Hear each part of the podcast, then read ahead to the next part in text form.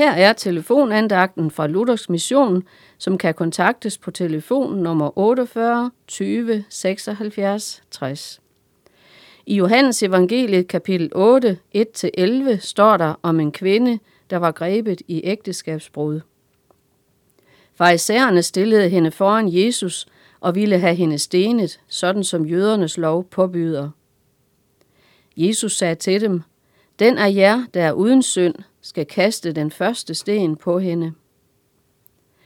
De pæne mennesker, som var kommet med kvinden, følte sig ramt af Jesu ord. De var ellers så sikre i deres sag, da de kom, men nu listede de væk, en efter en. Til sidst var Jesus helt alene med kvinden. Mund ikke kvinden rystede foran Jesus og frygtede hans dom. Han var jo ren og hellig.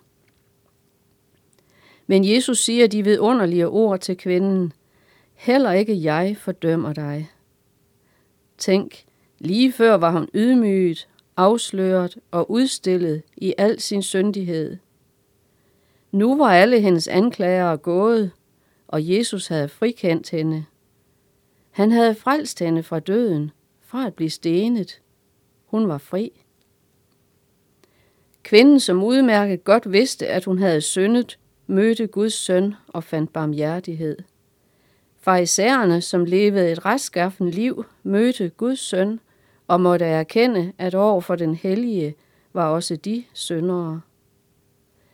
I Romerbrev kapitel 3, vers 23-24 står der, For alle har syndet og har mistet herligheden fra Gud, og ufortjent gøres de retfærdige af hans nåde ved forløsningen i Kristus Jesus. Jesus siger til kvinden, Heller ikke jeg fordømmer dig. Gå og synd fra nu af ikke mere. Jesu ord til kvinden gælder også dig.